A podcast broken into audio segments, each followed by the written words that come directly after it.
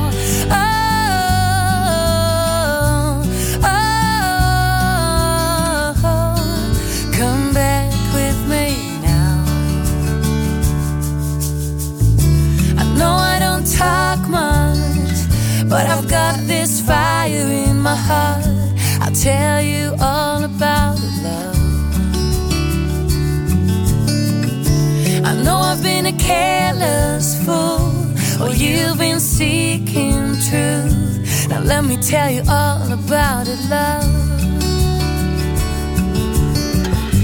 Cause you and I both know that we're as good as gold.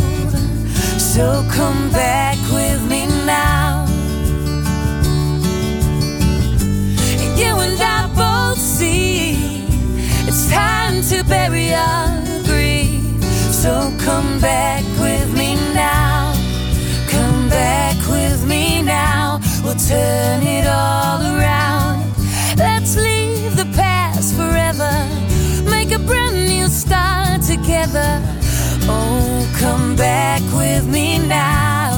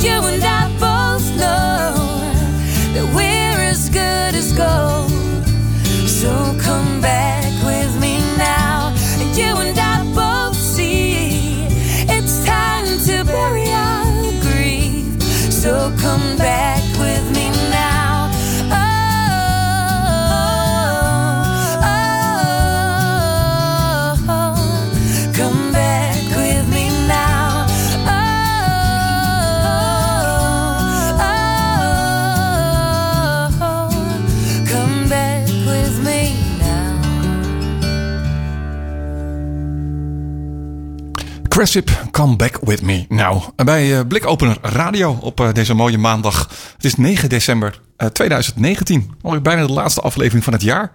Oh, volgende week nog. Ja, en dan, dan, eh, hebben we twee weken rust. Ja, dan gaan we met uh, frisse moed aan het nieuwe jaar beginnen. Nou. Maar goed, eerst nog deze uitzending. En in de uitzending is uh, Karima. Laten we eens beginnen met onze standaardvraag, Karima. Wie ben je en wat doe je? Um, nou, ik ben Karima Abakali. Ik ben 21 jaar oud. Ik studeer communicatie aan de Hogeschool van Amsterdam. En ik heb dus een platform genaamd Get Fat With Me... waarop ik vrouwen met ondergewicht help om aan te komen. Wauw. En je bent 21 jaar? Ja. Ja, en dat, dat platform, uh, dat, dat, ben je, dat, dat is inmiddels uh, vrij groot geworden. Ben je ooit begonnen? Hoe ben je, hoe ben je, daar, hoe ben je daar ingerold? Hoe, ben je zo, hoe heb je bedacht, ik ga zo'n platform beginnen? Uh, nou, ik heb dus zelf ondergewicht gehad, dus het is echt vanuit mijn eigen ervaring. En toen ben ik eigenlijk zelf een beetje research gaan doen, maar ik kwam er eigenlijk vrij snel achter dat het heel vaak ging over hoe je kan afvallen in plaats van aankomen. Dus ik kwam eigenlijk heel weinig informatie tegen. Uiteindelijk uh, ben ik me heel breed gaan oriënteren op het gebied van voeding. En uh, was me gelukt om in twee maanden tijd 10 kilo aan te komen. Dat is heel wat. Ja. En daar heb je heel lang research voor, research voor moeten doen? Hoe lang ben je daarmee um, bezig geweest niet, voordat je die twee, in twee maanden 10 kilo aankwam? Niet dat ik elke dag research deed, maar het was meer van uh, ja, gewoon soms even googelen. Wat betekent dit? Of wat, houdt, wat houden bijvoorbeeld koolhydraten in? We hebben het natuurlijk altijd een beetje over koolhydraten, maar wat is het nou precies? En uh, er zijn ongezonde varianten, er zijn gezonde varianten. Uh, hoe kan je aankomen? Hoeveel eiwit heb je nodig? Hoe zit het met macro's? Wat houden al die rare termen in? Dus dat ben ik eigenlijk meer gaan onderzoeken. En op die manier ben ik eigenlijk best wel veel te weten gekomen over ja, allerlei rare termen voeding en ja, in de breedste zin. In, in het algemeen zeg maar, wat, wat houdt ondergewicht in? Uh, ondergewicht is dat je dus te licht bent voor je leeftijd en je lengte. Dus je hebt een ja, te lage BMI. En wat is je BMI? Ik bedoel, hoe, hoe, hoe reken je, wat, wat, wat is 18, BMI? Uh, ja, onder de 18. Als je BMI onder de 18 zit, dan heb je dus uh, ondergewicht. En dat bereken je door je lengte volgens mij te delen door je gewicht. Uit mijn hoofd. Je gewicht delen door je lengte in het kwadraat. Ja? Ja. Oké. Okay, ja, ik, ik, ik, ben twee meter. Mij is die heel makkelijk. Ik kan gewoon delen door vier. Oh, ja. Zoiets. Je hebt allerlei ja. websites die, die berekent het gewoon heel makkelijk voor je. Dus ja. op die manier, ja. Als het onder de 18 zit, dan uh, heb je ondergewicht. Maar, maar, was dat iets wat je zelf ook vond? Er zijn natuurlijk best heel veel mensen die daar misschien, die het misschien willen heel licht te zijn. Maar, maar je moet natuurlijk uiteindelijk zelf wel vinden dat je te licht bent of daar last van hebben voordat je op zoek gaat van hoe, moet ik, hoe kan ik daar nou mee omgaan? Hoe moet ik nou aankomen? Uh, ja, ik heb, ook, ik heb ook gewoon heel veel vrouwen in mijn community die niet per se ondergewicht hebben. Want ondergewicht is net als overgewicht. Dan is het ook wel een beetje een gezondheidsprobleem. Dan ben je gewoon te licht. Dus dat, daarbij kunnen ook allerlei dingen uh, bij komen kijken. Zoals, uh, nou ja, je krijgt dan veel te weinig vitamines binnen bijvoorbeeld. Je lijf gaat dat ook merken. Het zijn dezelfde problematiek van, nou ja, wel andere. Maar net als overgewicht zit toch wel een beetje in nou, niet per se gevarenzone, maar je moet dan wel wat gaan doen eigenlijk om het op te lossen. Uh, maar ik heb ook heel veel vrouwen die niet per se kampen met ondergewicht, maar wel gewoon heel graag wat kilo's aan willen komen. Die zitten bijvoorbeeld 2, 3 kilo boven ondergewicht. Um, maar ja, dan, ja, zij kiezen er dan zelf voor om wat aan te komen en dat is ook normaal eigenlijk. Is niet de reactie heel vaak van, uh, ah, maar je, bent, je kan alles hebben en je, je bent toch dun, is toch hartstikke mooi. En is, is dat wat je ja. vaak hoorde? Ja, heel vaak. Nog steeds. Ik heb natuurlijk een community met heel veel vrouwen die dan dagelijks eigenlijk strijden om wat kilo's aan te komen. En, dat stel je niet aan. Ja, het, het wordt nog steeds een beetje gezien als een luxe probleem. Dat is wel jammer eigenlijk. Maar dat is het niet. Nee, en ik denk, ja, ik denk persoonlijk dat het wordt gezien als luxe probleem, omdat het gewoon heel dicht bij de modewereld eigenlijk zit. Het ideaal wat daar geschetst wordt, zijn toch wel slanke modellen. En daardoor denken mensen van, oh ja, maar dat is toch mooi en dat is toch normaal.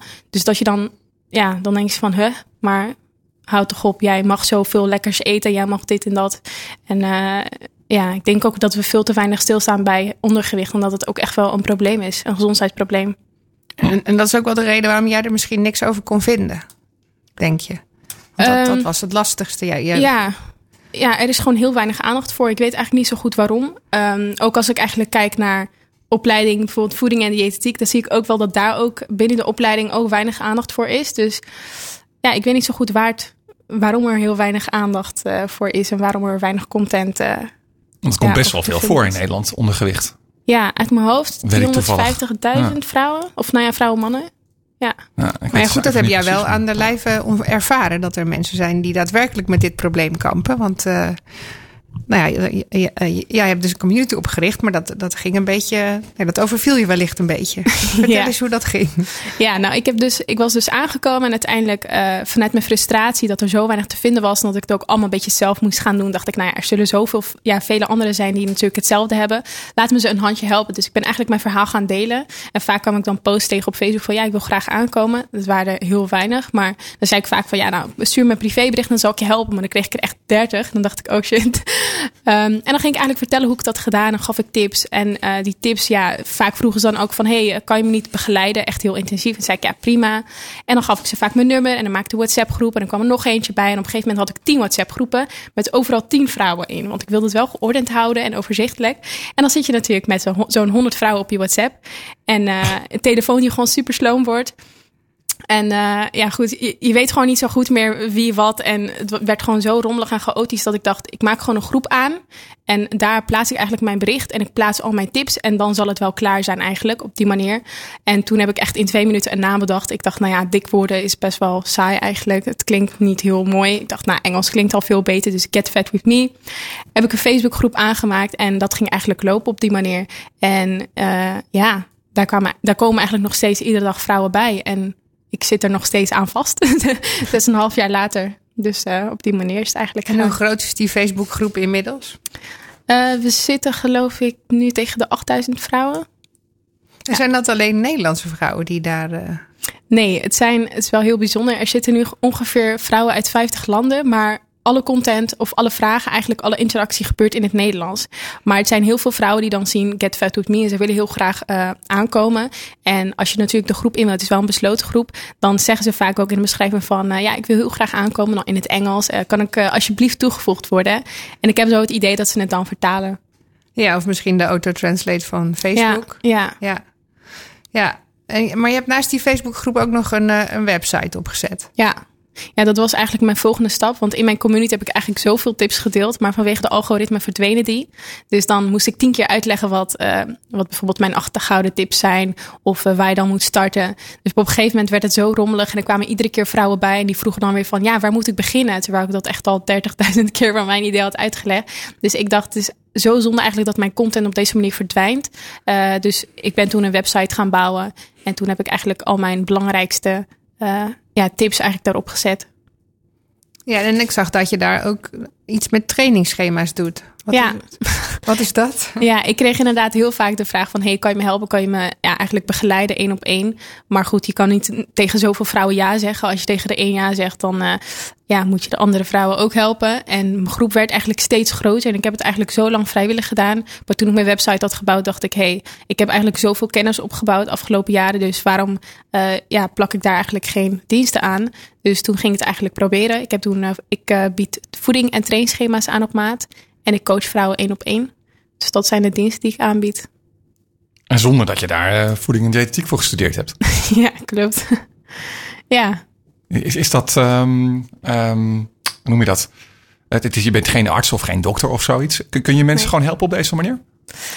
Ehm, ja, ik ben Zit, zit er een disclaimer in? Of is dat, hoe, hoe werkt dat? Nee, ik, ik zet er wel bij dat ik ervaringsdeskundige ben. eh, op mijn website ook. eh zodat mensen wel weten dat ik hier niet voor heb gestudeerd.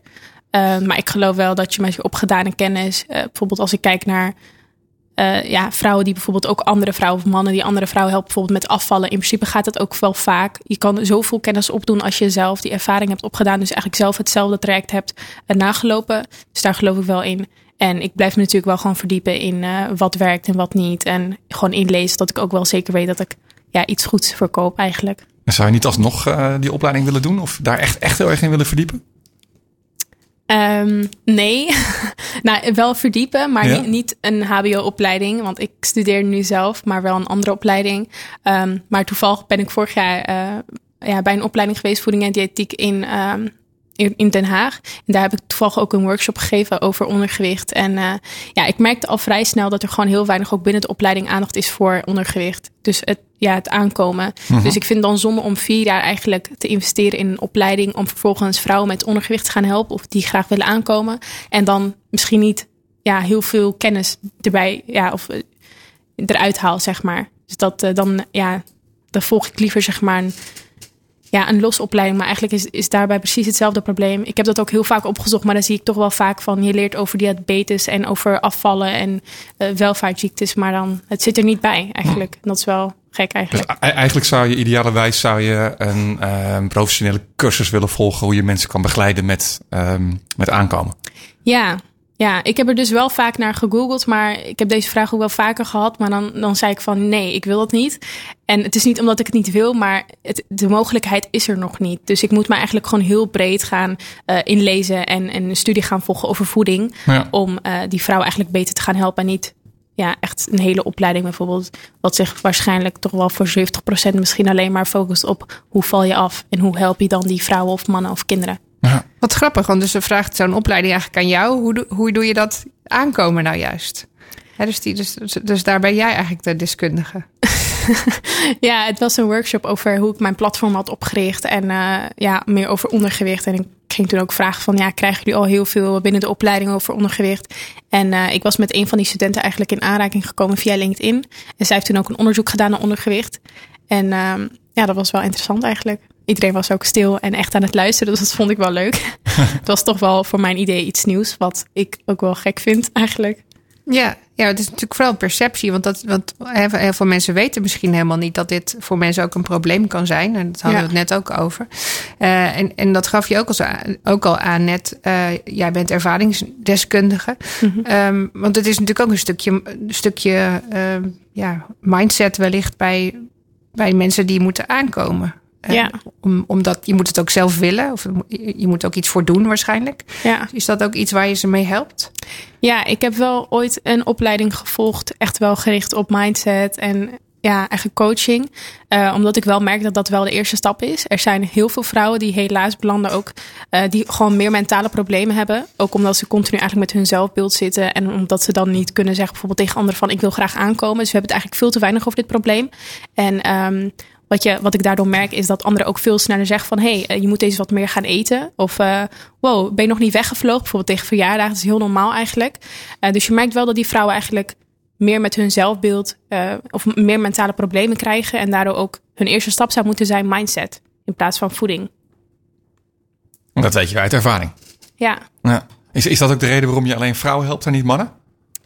nou ja, eigenlijk is het het is eigenlijk ooit zo begonnen dat ik eigenlijk alleen maar vrouwen in mijn groep had. Ja. En toen dacht ik, nou ja, dan, dan maak ik er maar een vrouwengroep van.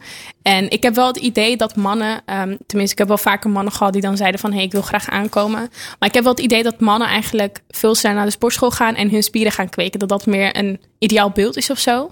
En dat vrouwen heel vaak de sportschool associëren met dat ze slanker worden. Oh, echt? Oké. Ja, ik, ik heb het idee dat mannen heel snel eigenlijk een bepaalde leeftijd bereiken en dan naar de sportschool gaan en spieren gaan kweken. Dus daardoor kom je ook natuurlijk aan. Want ja, dat sportschool, als je wil aankomen, ga je natuurlijk spieren kweken. Daardoor word je groter. Ja, ja, en bij vrouwen is dat misschien ook minder gewenst, uh, een uh, ja. musculair uiterlijk. Om het zo eens netjes te noemen. Een spierbundel. Kan ik, ja. me, kan ik me wel bij voorstellen. Ja. ja. Maar is dit, uh, als je terug gaat naar helemaal vroeger, zeg maar, is dit wat je altijd al wilde doen? Iets met voeding of... Nee. Nee, wat wilde je worden vroeger? Uh, advocaat. Advocaat? ja. Oké, okay, ook wel een soort van mensen helpen. Ja, eigenlijk wel. Ja. Op een heel ander vlak. En je bent geen recht ja. gaan studeren? Nee. wat, wat is er veranderd in de tussentijd? Waarom, uh, wat, wat, wat, is je beeld bijgedraaid? Um, ja, ik ging ooit meelopen bij een advocatenkantoor en ik keek eigenlijk om me heen. Toen dacht ik, ja, goed, je hoort natuurlijk allemaal mooie verhalen. Je kijkt naar allerlei films. Je denkt, wauw, ik kan mensen helpen en ik kan uh, gaan debatteren in een grote zaal. En dan zie je toch wel realiteit en dan denk je, ja, wil ik dit echt? En ja, ik weet niet, ik zag het echt op de advocatencontrole. was ook toevallig een donker gebouw en ik dacht echt, nee. Hier wil ik niet zitten. Nee, ik dacht echt, dit is niet mijn ding. En ik wil, ja, ik denk dat ik wel andere uh, ja, sterke punten heb die ik beter, waar ik beter wat mee kan doen. En, en, en je community, want wat, wat, is, wat zijn je plannen daar nog mee? Wil je er een grotere onderneming van maken? Wil je, wil je juist de, uh, de community sterker maken of groter? Wat, wat is jouw visie daarin? Wat wil je nog bereiken?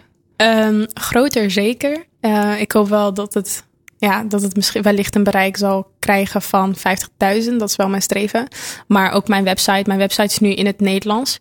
En ik merk toch wel dat ik daar ook best wel wat traffic krijg vanuit het buitenland. En ook vaak mailtjes van: hey, kan je, kan je content gaan vertalen alsjeblieft? Ik, uh, ik wil heel graag je content gaan lezen. En dat vertalen ze nu eigenlijk zelf. Dus ik zou ook heel graag in het Engels wat willen doen. Eigenlijk mijn hele website. En ook wellicht een, ja, het is wel lastig, want iedereen uit mijn community praat eigenlijk en, en communiceert eigenlijk met elkaar in het Nederlands. Maar ik denk ook wel dat er heel wat vrouwen zijn die het heel fijn zouden vinden als er wellicht een Engelse community komt. Of dat er, dat, ja, dat er misschien een vertaling komt of zo eronder.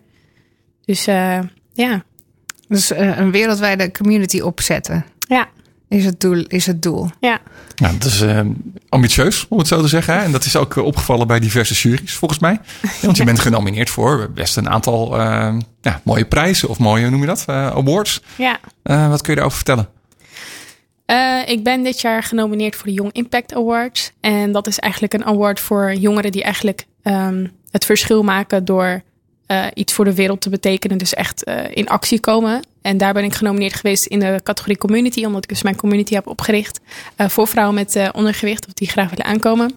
Um, ik ben genomineerd geweest voor de Jonge 100. Dat is een lijst van de 100 meest veelbelovende en inspirerende jongeren uit Nederland. Oh, wow. Uh, ja, dat was vorige week zondag. Ik heb ja? helaas niet gewonnen, maar ik vond het natuurlijk al heel mooi. En een grote eer dat ik was genomineerd. Ik zeggen, dat is wel een mooie eer natuurlijk, van 100. Wauw. Ja. ja, in de categorie visionair ook Visionair, nog.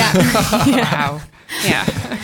Uh, ik heb ook nog de FIFA 400 Awards. En dat was ook afgelopen december kon iedereen eigenlijk stemmen. Of november bedoel ik. Ja? En dat wordt donderdag uitgereikt. Dus, uh, dus dat is spannend.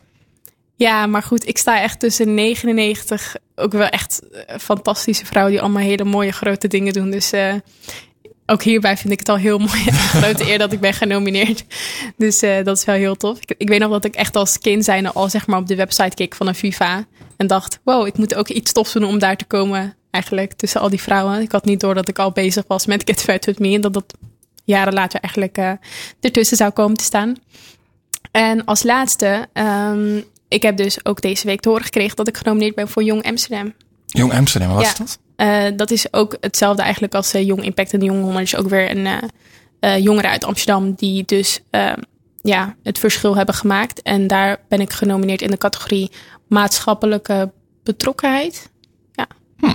Is dat um, iets van de laatste jaren dat jongeren zo, zich zo inzetten op die manier of zoveel impact willen maken? Zie je dat in je omgeving of is dat iets, vind je het heel uitzonderlijk wat je zelf doet? nou ja, ik denk ook wel als ik zeg maar bij zulke nominaties kom of eigenlijk of op, bij events, dan zie ik eigenlijk zoveel jongeren die echt ja, geweldige dingen doen. Dat ik, dat ik zelf ook denk. Super wow. inspirerend. Ja, ik denk Toch? ook. Lijkt me. Ja, ja, nee, echt dat ik denk, wow, doe je dat? Hoe heb je dat gedaan? Ja. Uh, en ik denk ook wel door zoveel jongeren te zien, denk ik wel van, oh, het is eigenlijk heel normaal. Um, maar toen ik jonger was, dacht ik wel, oké, okay, misschien ben ik te ambitieus. Of misschien, ja, dan. Je hebt dan niet echt die jongeren om je heen. Dus toen had ik nog niet het idee dat het gewoon normaal was om je zo in te zetten. Dus ik weet niet zo goed of het echt iets van deze tijd is. Of, of nou ja, eigenlijk bij de Young Impact Awards ja?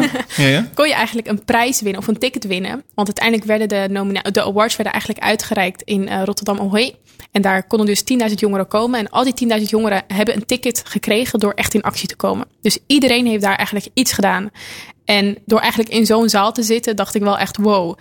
Uh, de jeugd is echt alles behalve verpest eigenlijk. Want je tegenwoordig, er zijn echt zoveel jongeren voor die het echt, toekomstbeeld. Ja, ik dacht echt wow, eigenlijk doen we echt zoveel leuke dingen. En Ja? zoveel jongeren. Dus um, ja, ik denk ook wel met een initiatief als Jong Impact en al, allerlei awards dat jongeren ook wel meer gemotiveerd worden om wat voor de ander te doen of de wereld of ja, voor zichzelf eigenlijk. Dat is wel een mooi onderwerp. Kunnen we Ja. ook iemand voor uitnodigen.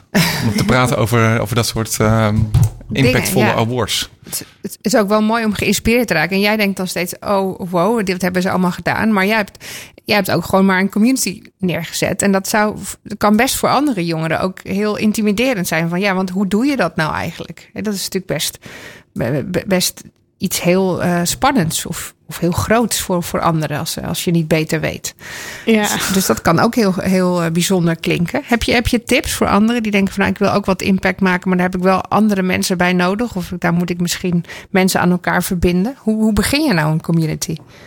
Um, nou, je begint community eigenlijk door te bedenken waarom je zo'n community wil beginnen. Het, er moet een gezamenlijke doel zijn of een probleem die je eigenlijk aan het oplossen bent. Eh, dus in mijn geval was het, ik breng eigenlijk vrouwen samen die dus kampen met ondergewicht op graag willen aankomen. En ik denk ook dat uh, mijn groep is eigenlijk best wel hecht. En uh, ja, het is eigenlijk heel, ja, heel behulpzaam. En iedereen is super aardig voor elkaar. En de meesten kennen elkaar ook. Er zijn ook super veel vriendschappen onderling. En ik denk ook wel dat, dat ik dat voor elkaar heb gekregen om juist altijd binnen mijn community te blijven. Dus ik ben niet iemand die het ooit heeft gemaakt en eigenlijk nooit meer reageert. Dus ik, ben, ik sta eigenlijk altijd dicht bij mijn community. Ik zorg ervoor dat ik altijd reageer en ook privéberichten stuur. Maar ook dat we elkaar echt helpen en dat ik niet iemand ben boven hen, maar echt tussen hen. Ja, ja want er is wel een soort vertrouwen in die community die je hebt opgericht. Mensen moeten Ja. natuurlijk best dingen delen waar ze hè, Ja. kwetsbaar opstellen wellicht. Ja, ja en dat gebeurt wel echt. Hoe heb je dat voor elkaar gekregen?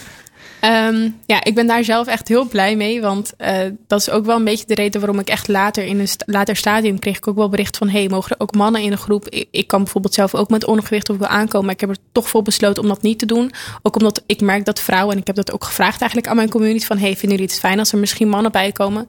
Maar ze vinden het juist fijn dat er alleen maar vrouwen zitten. En ook, ehm, het is een besloten groep. En ehm, ik heb twee moderatoren die me eigenlijk altijd hebben ondersteund. En wij, je moet altijd zeg maar een lidmaatschapsverzoek indienen. En dat wordt ook gecontroleerd. En anonieme accounts worden eigenlijk niet toegelaten. Mits je mij een bericht stuurt met een spraakmemo. Zodat ik weet dat er een vrouw achter zit. Dus het is best wel streng eigenlijk. Eh, en het is, kost ook best wel veel moeite als je opeens zoveel berichten krijgt van vrouwen die erin willen. Maar het is wel een extra kleine moeite die ik doe om de groep wel zeg maar veilig te houden. En ehm, daarom merk je wel dat de een bijvoorbeeld iets deelt en dat iedereen gewoon heel aardig en lief reageert. Eh, ja, ik denk dat ik echt maar misschien maximaal in de afgelopen vijf jaar, eh, misschien tien berichten maximaal heb verwijderd. Het is, het is juist zo, iedereen is juist zo aardig tegen elkaar. Ik denk ook wel dat het komt omdat het gewoon een heel kwetsbaar onderwerp is. En dat veilige gevoel, ja, ik probeer ook altijd gewoon zoveel mogelijk te reageren. En mensen ook gewoon echt te leren kennen van, oh, hoeveel wil jij dan aankomen? En hoe zit het met jou? En hoe gaat het met je doel? Dus op die manier. En had dat gekund als het iets anders was geweest dan zo'n persoonlijke Facebookgroep? Had dat alleen gekund met je website-platform, zoiets? Ehm, met mijn platform niet, want je hebt geen interactie op je website.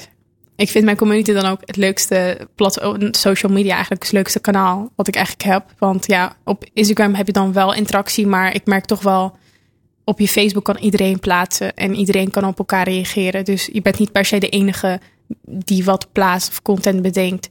Eh, dus nee, op mijn website zou het wel anders zijn. Daar heb je gewoon geen interactie. En dat is toch wel hetgeen wat mijn community juist zo bijzonder maakt.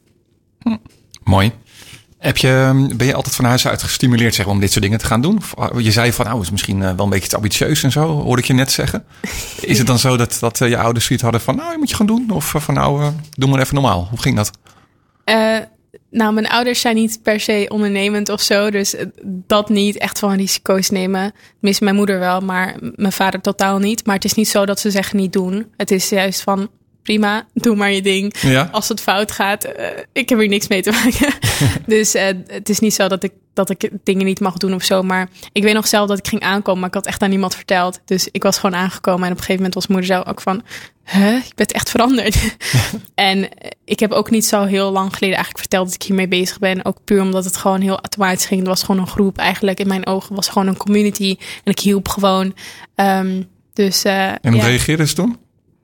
Mijn vader die zegt soms dan van... Uh, ja, dan ziet hij bijvoorbeeld dat ik aan het koken ben of een foto aan het maken ben. En dan weet hij wel dat ik aan het posten ben. Zegt hij, hoeveel volgers heb je nou ook alweer? Dan zeg ik, ja, zoveel. Zegt hij, wow, zoveel mensen. Uh, ze zeggen, wow, zoveel mensen volgen jou. Zo van, wow, crazy. Zo van.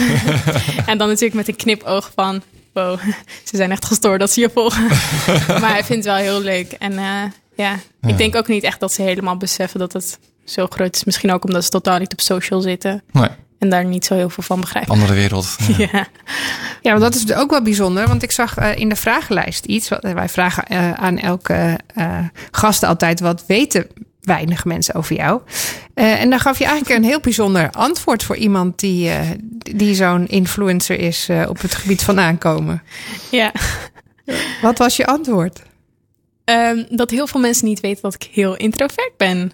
En, en, en hoe rijmt dat met uh, een, uh, ja, een, een community uh, expert als jij? Dat gaat eigenlijk heel goed. Maar uh, ja, aan het begin dacht ik wel van... Het is meer van, mensen verwachten vaak van mij... Of, uh, bijvoorbeeld op social ben ik dan wel gewoon... Ik denk dat ik heel vaak... Of nou ja, ik weet dat ik heel extravert overkom. En ook op mijn Instagram en mijn stories. En dan... Ja, maar mensen weten gewoon vaak niet dat ik gewoon heel introvert ben. Dus dat is, is een rol. Is een rol die je speelt dan? Of? Nee, niet per se. Het is gewoon meer, ik ben wat rustiger van mezelf eigenlijk. Ehm, dus één op één ben ik gewoon wel gewoon mezelf en kan ik wel heel extravert eigenlijk overkomen. Maar um, ja, het, het, is geen rol. Het is gewoon meer. Ja, ik, ik vind het een beetje lastig uitleggen. Ja. Nou ja, het is natuurlijk logischer dat het bij social media wel kan. Want dan hoef je niet direct contact te hebben met al die mensen tegelijkertijd. Dat gebeurt natuurlijk met één camera. Ja, maar als, als ik bijvoorbeeld iemand tegenkom van mijn community, bij wijze van, dan ben ik ook gewoon vrolijk. En hey, hoe gaat het? Maar het is meer van, um, ik heb het vaak, dus totaal niet met mijn community eigenlijk. Dus daar heb ik eigenlijk nooit zo over nagedacht. Maar het is meer van, omdat ik juist zo uitbundig kan zijn op social, verwachten mensen dat ik dat ook ben in het echt. En dat ik dan overal altijd uitbundig ben. Dus als ik dan op een event ben of uh, I don't know, een netwerkborrel, dan ben ik gewoon wat rustiger. Dus dan moeten mensen echt vragen aan mij van, hey, wat doe je? Of dan gaan ze met mij in gesprek, dus één op één vaak. En dan komt dat er allemaal uit wat ik aan het doen ben. En dan zeggen ze van, oh, hè? Dat had ik niet verwacht. Onverwacht. Ja, dus dat is het meer van, wow, je bent zo introvert. En dan koppelen ze dat meer van, hey, je bent introvert, maar je doet dit allemaal. En omgekeerd is het van, hey, je doet dit allemaal, dus dan zal je wel extravert zijn. Ja. Dus dat is het meer. Mooi. Als mensen er meer over willen weten, hoe kunnen ze het volgen? Waar kunnen ze terecht? Uh, mijn Facebook of mijn community zit op Facebook. Het heet uh, Get Fat With Me. En mijn website heet ook www.getfatwithme.nl. En mijn Instagram heet getfatwithme.nl. dus lekker makkelijk. Hartstikke goed. Karima, dankjewel. Yes, jullie ook. Bedankt.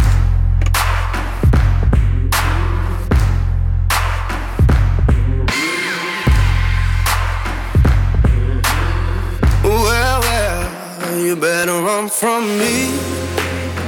You better hit the road. You better up and leave. Don't get too close. Cause I'm a rolling stone. And I keep rolling on. You better run from me before I take your soul. If I go,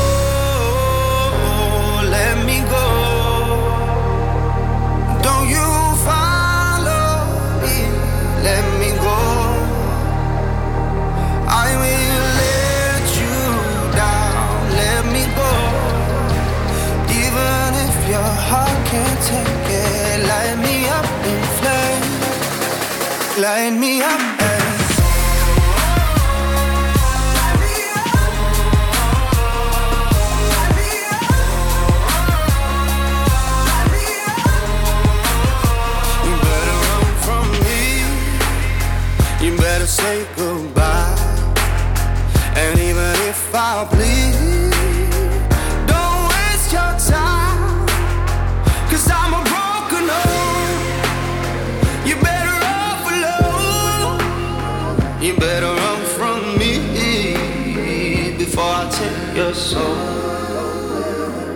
If I go,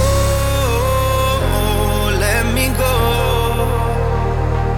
Don't you follow me, let me go. I will let you down, let me go. Even if your heart can't take it, light me up in flames, light me up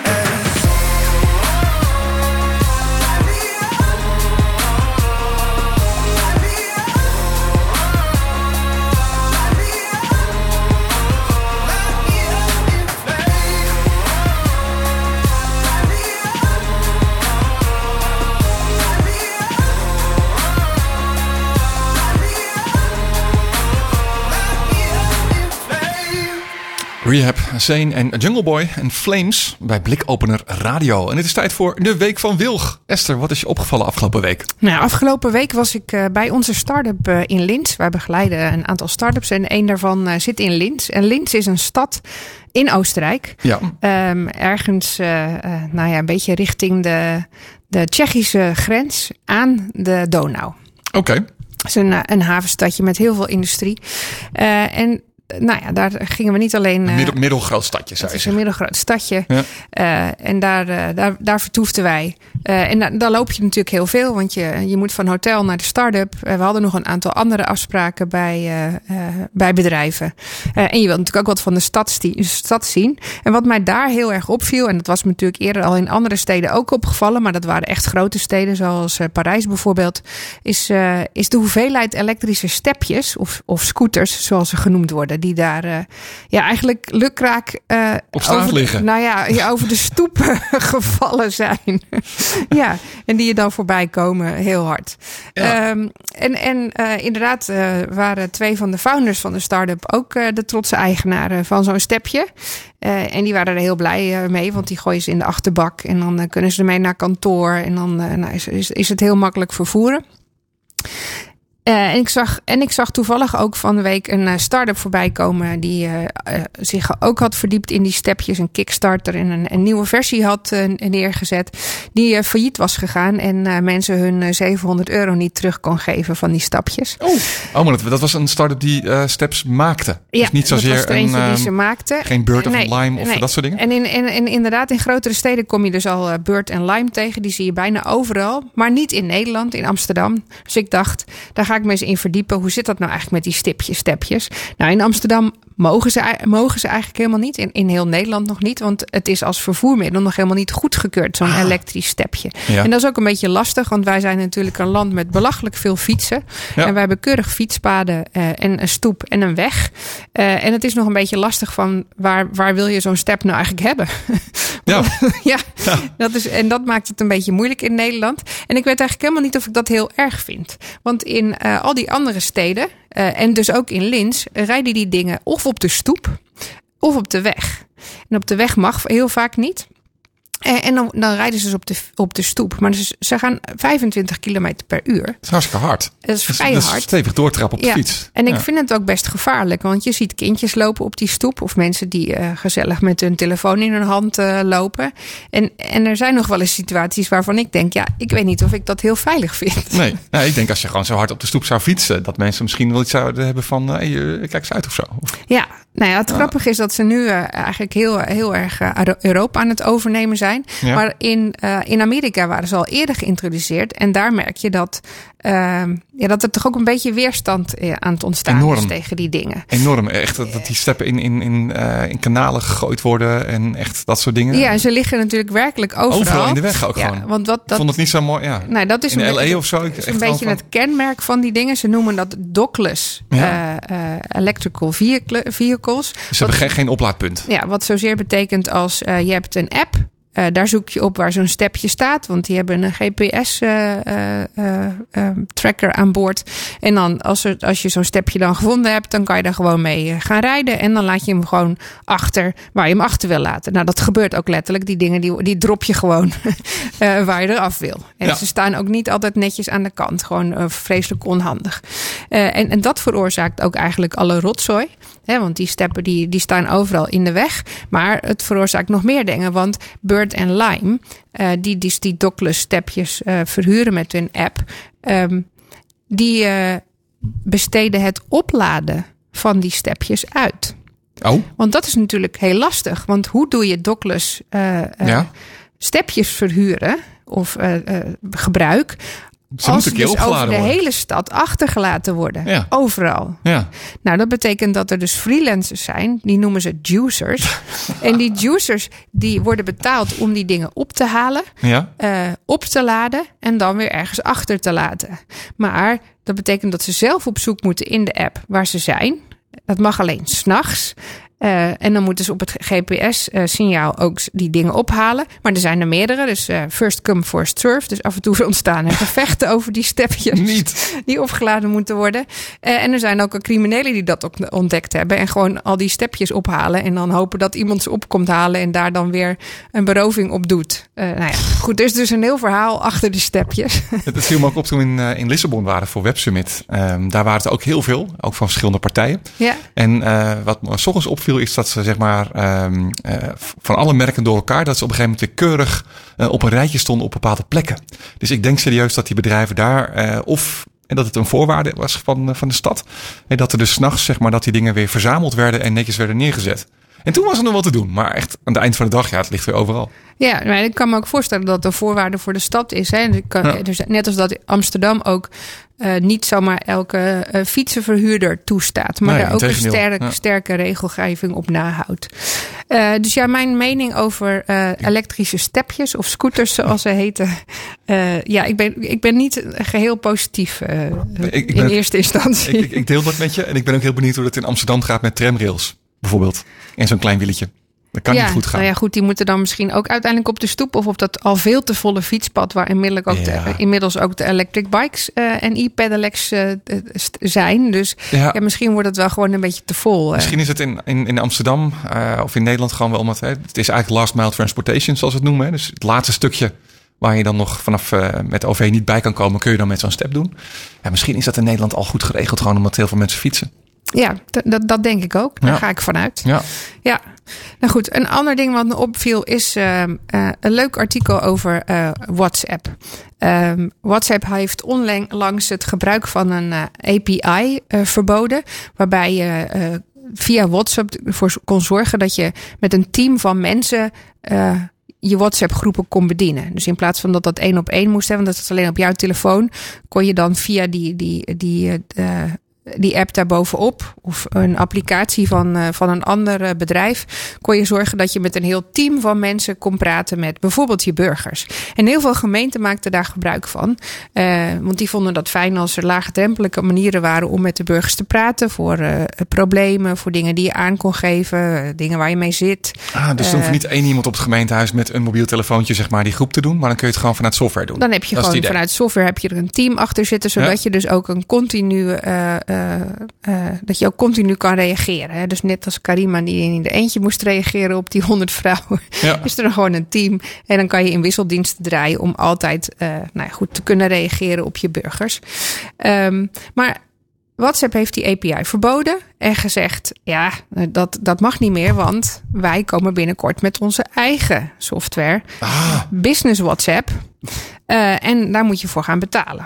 Maar die business WhatsApp kan nog niet helemaal eh, wat die API's eh, voor, die, eh, voor die andere applicaties kunnen. Dus inmiddels zijn er denk ik 22 gemeentes die dan maar denken van nou goed, dan stoppen we met WhatsApp. Want we weten niet zo goed hoe we nu verder moeten.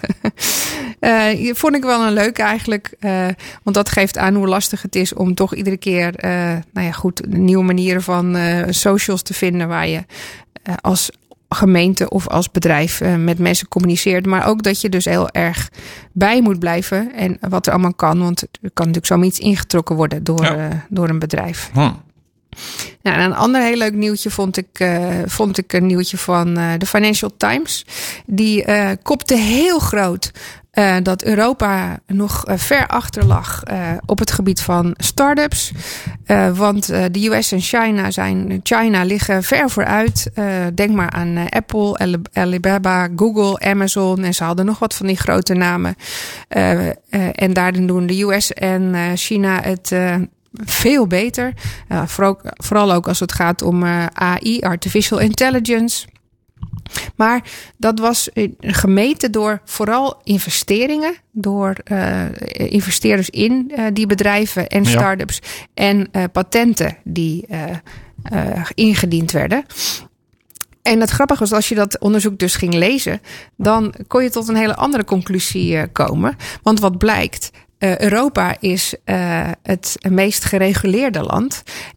heel divers en versnipperd, wat het lastig maakt ook voor investeerders. Maar ook gereguleerd als het gaat om cultuur, uh, bescherming van de burgers, Privacy, sociale ja. activiteiten. Ja. Uh, en daardoor is er ook veel meer samenwerking uh, met start-ups en overheden. En veel meer idealistische ideeën rondom sociaal-maatschappelijk verantwoorde technologie. En is GovTech hier iets heel normaals? GovTech? Ja. Dus uh, start-ups werken met heel veel uh, overheden samen. Government is, technologies. Ja, ah. en, het is, en er is veel meer vertrouwen door de gebruikers daardoor. Als je bijvoorbeeld in Amerika uh, EdTech, dus eh, educational eh, tech, eh, neer zou zetten, dan is dat altijd een soort wantrouwen van de gebruikers. Van wat, wil je, wat wil je dan als mijn kinderen hiermee aan de slag gaan? Is dat data? Verkoop je nou de, de ziel van mijn kindjes? Terwijl dat hier vertrouwder is, omdat dat waarschijnlijk wel gereguleerd is door de overheden of zelfs geïnitieerd door overheden. En vooral als het gaat om datagebruik loopt Europa ver voorop. En dat zorgt ervoor dat AI achterloopt. Maar de vraag is, is dat heel slecht? Want willen we dat AI en de mogelijkheden eh, ongereguleerd eh, eigenlijk vertellen wat we ermee kunnen en dat we richting China gaan. Nou, Ja. We weten wat daar inmiddels gebeurt. Ja. Of is het heel verstandig om eerst eens te denken aan wat voor regels moeten we om onze eigen data heen zetten, om daarna te kijken Wat kan AI daarmee? Wat kan AI daarmee? En Ja. moeten we niet volgens die regelgeving ook eh, dat gaan toestaan? Maar botst dat niet met elkaar dan? Europa tegen de rest? Of is dat... Ja, ik weet, niet, ik, weet- ik, ik weet niet of het botst. Ik vind het wel nuttig dat wij eerst over de consequenties nadenken. Zeker. eh, voordat er eh, Zeker. achterloos eh, maar, maar gebeurt wat er kan. Ja. En Maar je ziet dat heel veel Amerikaanse of Chinese bedrijven dan ook door, door Europa worden teruggefloten soms. Ja, dat iets niet mag of boetes krijgen of dat soort zaken. ja, dat klopt. Eh, een beetje, Google heeft inmiddels om eh, heeft al inmiddels alweer al twee onderzoeken aan zijn aan zijn broek hangen. Ik weet niet of dat, of dat heel slecht is. Ik denk dat dit juist heel goed is. Want dat, dat betekent dat eh, zowel Google, Apple S als Amazon echt Ja. zijn gaan nadenken Ja. over wat betekent dat voor mijn gebruikers. Hè? Dus zo heeft Europa eigenlijk nog een, een veel grotere rol in die tech dan ik dat. denk eh, dat ze inmiddels ja. een wereldwijde rol hebben. Want de GDPR, dus de data, de, priv- de privédata van mensen. Dus dat die, die pop-up die je tegenwoordig altijd voor, voor Ja. eh, sites ziet. Die is wel ingesteld door Europa. Van nee, je mag niet zomaar ehm, tracking doen op, op de mensen die op jouw site komen. En dan, en dan dat, dat zijn privégegevens. Eh, dat moest verplicht, maar inmiddels zijn er toch ook bedrijven die daar wel over na zijn gaan denken. En daar zelf ook wat dingen mee gedaan hebben Ja. wereldwijd. Dus ik denk op zich dat het, dat het wel heel nuttig is dat eh, Europa al zo ver is op het gebied van regelgeving en GovTech. Eh, en ik ben er wel trots op dat we daar eh, op voorlopen. Op de rest van de wereld. Wederom eens. Wat mooi. Nou, tot zover de, de week van. Yes, Nou, de gaan we luisteren. blikopeners van deze week. Precies. Gaan we luisteren naar de Coldplay en daarna gaan we naar Hermaniak.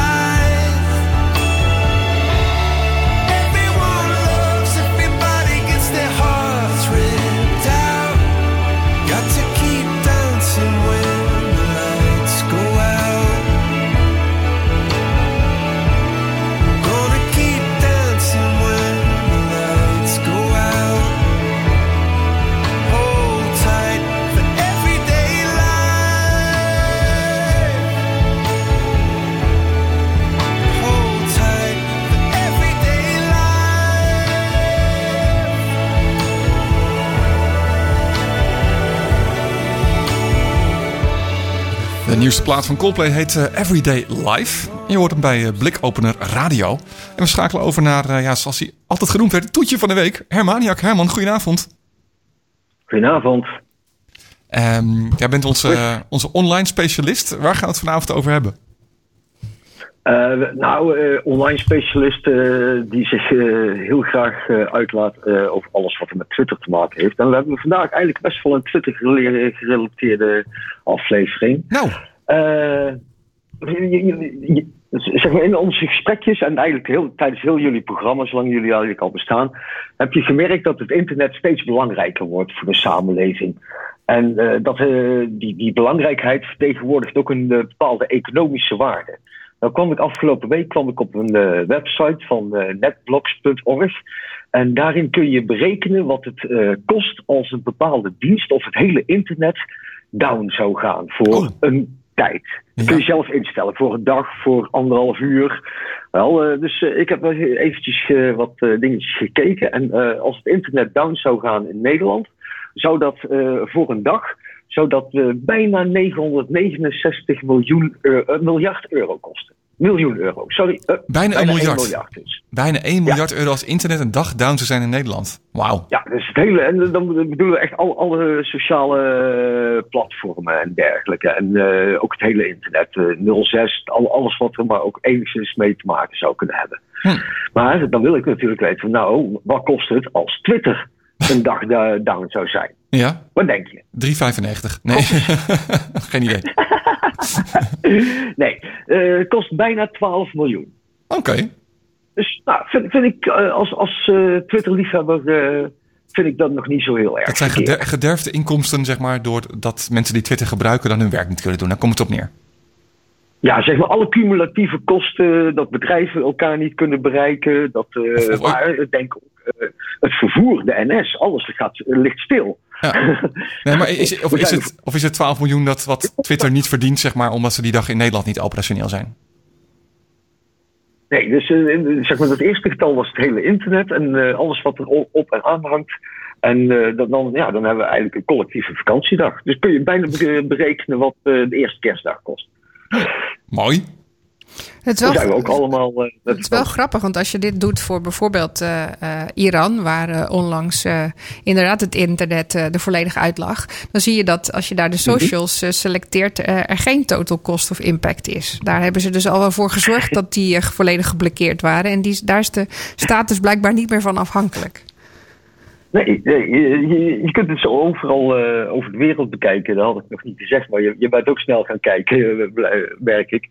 Nee, je kunt het van overal in de wereld. Uh, dus elke regio of land kun je bekijken wat de impact is. En dat, dat kan soms best wel schokkend zijn uh, in het besef dat, niet, al, dat niet elk land zo online is als wij. Hm, inderdaad. En wat is het, het siteadres? Netblocks.org en dan schuine streep costs. Maar op de homepage van Netblocks zal wel een, een ding staan. En het, is, het is niet heel erg verzonnen. Er zitten best wel grote organisaties achter. Ze baseren zich op de open data van de World Bank, van Eurostat en het US Census Bureau. En voor zover ik weet is dat de Kamer van Koophandel. Zo. Volgens mij wel. Hm. Ja, dat zou goed kunnen. Maar we gaan onze resterende tijd nog even aandacht besteden aan Twitter. Want uh, heb je wel eens meegemaakt dat je. je, weet, je weet wat gesprekken op Twitter zijn, hè? Zeker. Ja, nou. ik heb nog wel eens de neiging als ik een interessant gesprek zie, even op de tweet te klikken en kijken hoe het gesprek zich daarna verloopt. Of als ik een onderdeel zet, kijken hoe het begonnen is.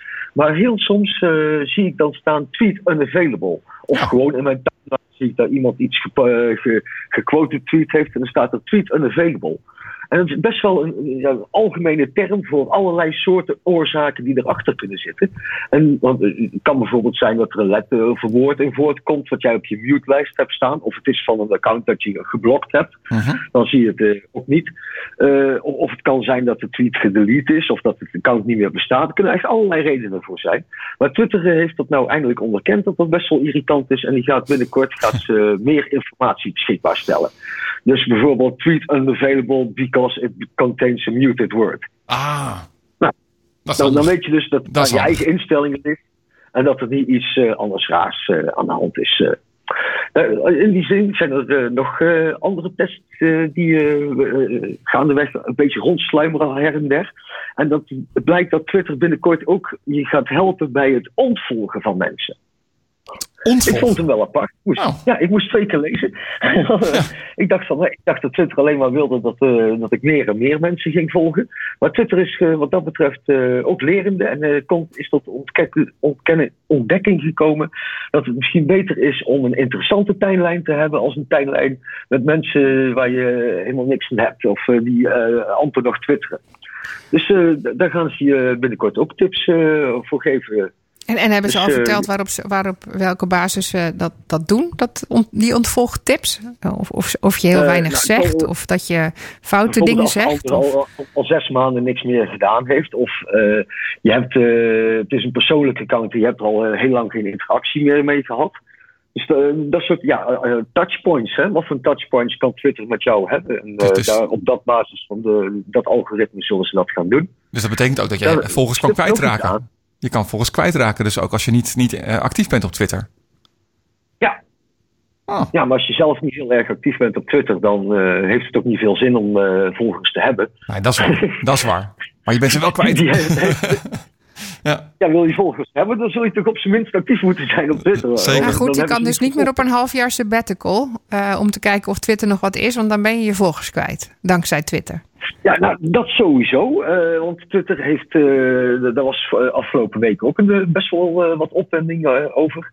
Twitter heeft een heel aantal accounts gewaarschuwd dat ze al meer dan een half jaar niet meer actief zijn. En de achterliggende gedachte was dat ze op 15 december alle oude slapende accounts in één keer wilden vrijgeven. Boom. Wow. Ik had al bij een paar accounts gezien. Uh, ik, ik, werd uh, ook al door een paar accounts gevolgd. En die accounts die, die, waren slapende. En op één, ik kreeg daar een melding van. En op één avond werd ik door vijf of zes accounts ontvolgd. En die waren allemaal gestopt met volgen. Dus die hadden allemaal dat ze nog maar nul accounts volgden. En dat, dat was een van de eerste stappen. Want toen werd het nieuws gelijk bekend. Maar het nieuws, of de soep wordt wederom niet zo heet gegeten als die aangekondigd wordt. Want een hele hoop mensen die reageerden zeiden van... ja, maar wacht eens even, er zijn ook in memoriam accounts. Oh, ja. Nou, die zeggen niet veel meer. Van, ik moet persoonlijk denken aan Gert-Jan Bos, uh, die social online... een goede kennis van me uit Utrecht... die plotseling aan een hartaanval overleed. En heel actief was op Twitter en in, in de social media wereld. En zijn account bestaat nog steeds. Ik weet niet of het bewust is, maar... Ja, het kan zijn dat mensen heel bewust uh, een, aantal, een, aantal, tweets van een persoon willen laten staan uh, ter nagedachtenis. En Twitter gaat nu eerst onderzoeken hoe ze die accounts kunnen veiligstellen voordat ze die accounts gaan vrijgeven. Dus wie zich daarover ongerust maakte, die kan ik daarmee geruststellen. Nou, nou, dat is uh, een, misschien een fijne geruststeller uh, als, als afsluiting. We zijn door de tijd heen, Herman. Uh, Dank je wel ja, mag voor ik nog even Twitter retweets noemen? Ja. Twitter retweets, waarom Twitter leuk was. Van Twitter zelf. Ja. At Twitter retweets is een account? Ja. Nou, ja. Ga, gaan we die ook in de show notes zetten. uh, dankjewel Herman. Als mensen jou willen volgen, hoe doen ze dat? Ed Hermaniak. Ed Hermaniak, hartstikke mooi. Dankjewel. Uh, wij spreken elkaar volgend jaar weer, Herman. Um, en daarmee komt er een eind aan deze aflevering van Blik Openen Radio. Volgende week hebben we een leuke gast. Ja, uh, Maarten Fitzgerald. Lens Fitzgerald over ja. Voice. Ja. En dan, uh, dan is dat de laatste voor het jaar. Ja, nou, luister ook dan weer. Dankjewel voor het luisteren. Fijne week.